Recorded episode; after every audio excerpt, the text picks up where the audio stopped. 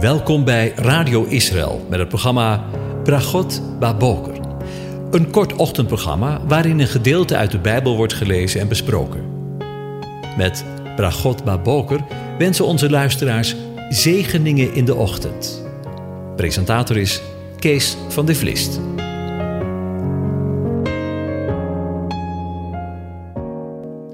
Goedemorgen, luisteraars. Vanmorgen denken we weer verder na over Psalm 119 en daarvan de versen 153 tot en met 160. Ik lees ze aan u voor.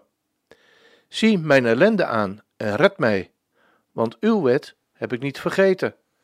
Voer mijn rechtszaak en verlos mij. Maak mij levend, overeenkomstig uw belofte. Het heil is ver van de goddelozen, want zij zoeken uw verordeningen niet. Uw barmhartigheid is groot, heren. Maak mij levend, overeenkomstig uw bepalingen.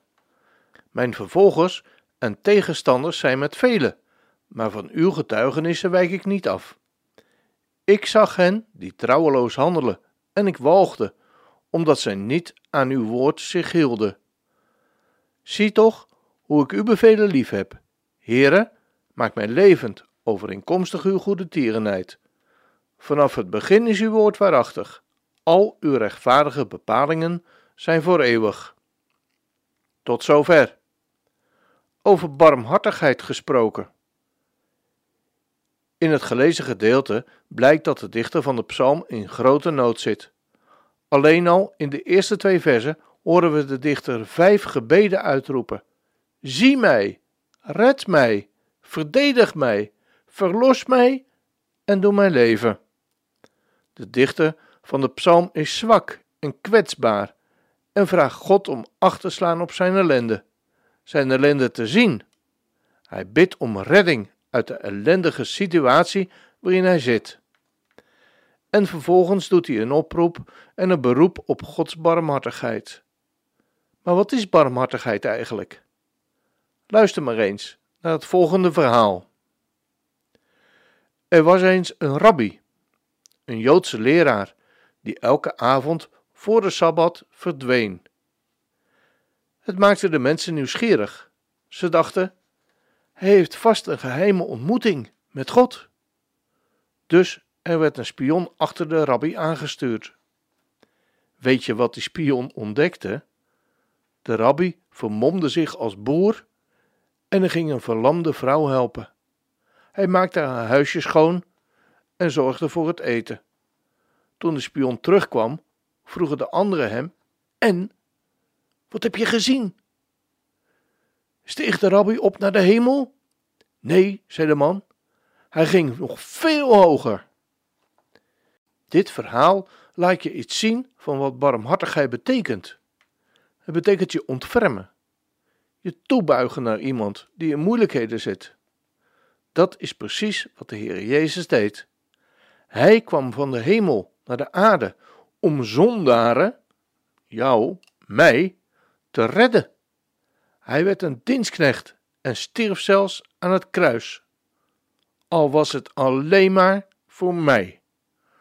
Daarom heeft God hem ook bovenmate verhoogd en heeft hem een naam geschonken, boven alle naam, lezen we in Filippenzen 2 vers 9.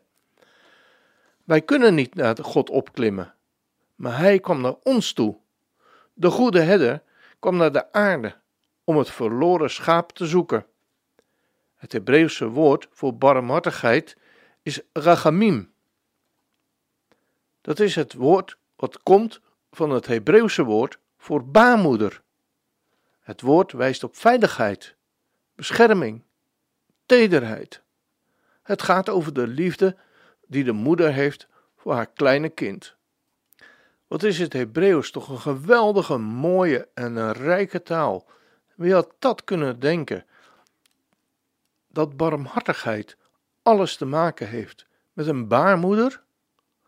Kan een vrouw haar zuigeling vergeten, zich niet ontfermen over het kind van haar schoot? Lezen we in Jesaja 49 vers 15. En de tederheid van een vader voor zijn zoon? Zoals een vader zich ontfermt over zijn kinderen, zo ontfermt zich de Heere over wie hem vrezen. Barmhartigheid is Gods liefde die beweegt. waardoor hij zich uitstrekt naar wie hulp nodig heeft. Hij hoorde de noodkreet van de Israëlieten, die als slaven in Egypte werkten. Toen hoorde God hun gekerm en dacht hij aan zijn verbond met Abraham, met Isaac en met Jacob. En God zag om naar de Israëlieten en ontfermde zich over hen. Lezen we in Exodus 2, vers 25.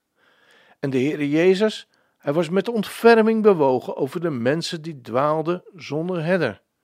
En toen hij de menigte zag, was hij innerlijk met ontferming bewogen over hen, omdat zij vermoeid en verstrooid waren. Lezen we in Jeremia 23, vers 1. Barmhartigheid is niet zomaar een kenmerk van God. Het raakt zijn diepste wezen, zijn hart. Hij is barmhartig en genadig, langmoedig en groot van goede tierenheid en waarheid. Lezen we in Exodus 34, vers 6. Het is door Gods barmhartigheid dat er vergeving mogelijk is. Vandaar dat koning David bad in Psalm 51: Wees mij genadig, o God, overeenkomstig uw goede tierenheid.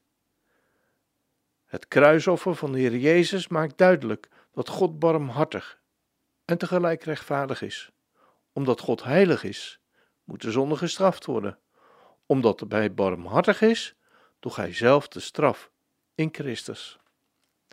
De Bijbel roept ons op om barmhartig te zijn, om te zorgen wie honger heeft, wie arm is, voor wie geen vader en moeder meer heeft.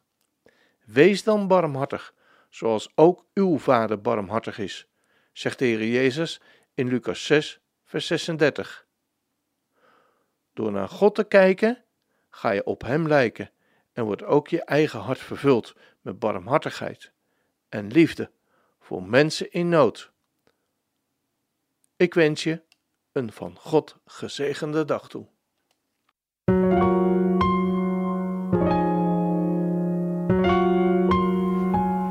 U hebt geluisterd naar het programma Bragot Baboker. Een kort ochtendprogramma waarin een gedeelte uit de Bijbel wordt gelezen en besproken. Wilt u het programma nog eens naluisteren, dan kan dat. Ga naar radioisrael.nl en klik onder het kopje radio op Uitzending gemist.